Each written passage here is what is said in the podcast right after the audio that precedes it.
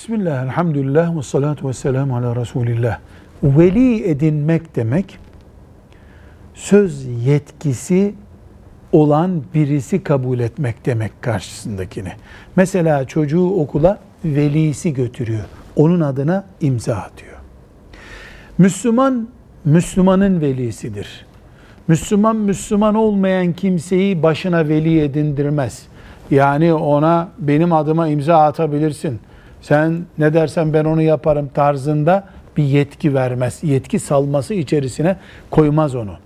Ehli kitap yani Müslüman olmayan Yahudiler ve Hristiyanları veli edinmek yani onların yörüngesine girmeyi kabul etmek demektir.